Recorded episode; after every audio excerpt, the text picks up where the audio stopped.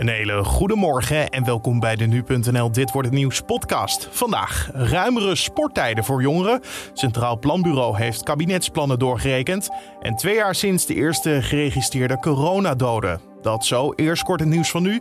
Mijn naam is Carne van der Brink. Het is vandaag dinsdag 11 januari. De subsidiepot voor Groningers met aardbevingsschade is alweer leeg. Er zat 220 miljoen euro in en binnen een dag is alles verdeeld. Gisteren konden mensen een aanvraag indienen voor 10.000 euro. Dat kon online en fysiek. Bij beide waren enorme wachtrijen ontstaan. Deze man stond ook in de rij. Ik ben hartpatiënt en daarom heb ik een stoel bij me. Dat ik iedere keer een klein beetje mee opschuif. Om van datgene gebruik te kunnen maken wat van ons met elkaar is. Dat zei hij bij RTV Noord. Het basisonderwijs krijgt volgend schooljaar 500 miljoen euro minder. Scholen ontvangen minder geld voor de personeelskosten door een verandering in de manier waarop ze gefinancierd worden. Dat blijkt uit een analyse van nu.nl. Het gaat per schoolbestuur eh, om honderdduizenden euro's. En op verschillende basisscholen dreigen hierdoor bezuinigingen. En op steeds meer plekken kan je terecht voor een boosterprik zonder afspraak. Vanaf vandaag kunnen mensen in het Brabantse Helmond, het Groningse Appingedam en in het Overijsselse Deventer binnenlopen voor een oppepperprik. GGD's kunnen deze boosterprik zonder afspraak aanbieden als ze meer prikkers hebben dan dat er afspraken gepland staan. En voor het eerst is er een varkenshart getransplanteerd in een mens. Dat gebeurde afgelopen vrijdag bij een 57-jarige patiënt in Amerika. Daarmee hebben de Amerikaanse chirurgen een medisch primeur te pakken. Drie dagen na de experimentele operatie gaat het nog steeds goed met de man. Dan de agenda van vandaag. Jongeren krijgen meer ruimte om buiten te sporten. Vanaf vandaag mogen jongeren tot met 17 jaar buiten tot 8 uur s avonds sporten. Tot gisteren moesten ze uiterlijk om 5 uur klaar zijn.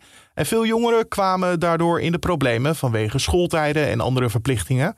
Voor senioren gelden de nieuwe regels nog niet. Vrijdag wordt er meer duidelijk over het verder verloop van de lockdownmaatregelen. Dan eh, staat er weer een nieuwe persconferentie op de agenda.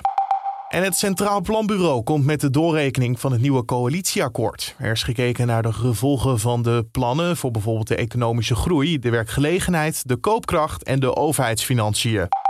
En het is vandaag precies twee jaar geleden dat het eerste bevestigde coronaslachtoffer viel. Dat gebeurde toen in het Chinese Wuhan. En daar overleed een inwoner van de stad aan het virus. Inmiddels schrijft het virus nog altijd om zich heen. Wereldwijd zijn er meer dan 300 miljoen bevestigde besmettingen geregistreerd sinds de uitbraak. Bijna 5,5 miljoen mensen zijn al overleden aan corona. Tot zover de agenda. Dan het weer van Weerplaza met Raymond Klaassen. De dag die begint op veel plaatsen grijs in Nederland. Lokaal is het ook echt mistig. En op de meeste plaatsen vriest het licht. Alleen langs de kust ligt de temperatuur iets boven het vriespunt. De mist en nevel hebben moeite om op te lossen vandaag. En hier en daar blijft het ook heel de dag grijs door die laaghangende bewolking. Elders komt de zon nog even tevoorschijn en wordt het nog even aangenaam. Later in de middag neemt vanuit het westen de bewolking toe. En in de loop van de avond kan er in het noordwesten wat lichte regen vallen. De temperatuur die ligt vanmiddag tussen de 2 en de 5 graden. Daar waar het mistig blijft, komt de temperatuur waarschijnlijk niet zo hoog. Dankjewel Raymond Klaassen van Weerplaza. Dit was dan de Dit wordt het nieuws podcast voor de dinsdag 11 Tips, feedback kan je mailen naar podcast.nu.nl of natuurlijk een recensie achterlaten bij Apple Podcast. Mijn naam is Carne van der Brink. Een hele mooie dag en tot de volgende.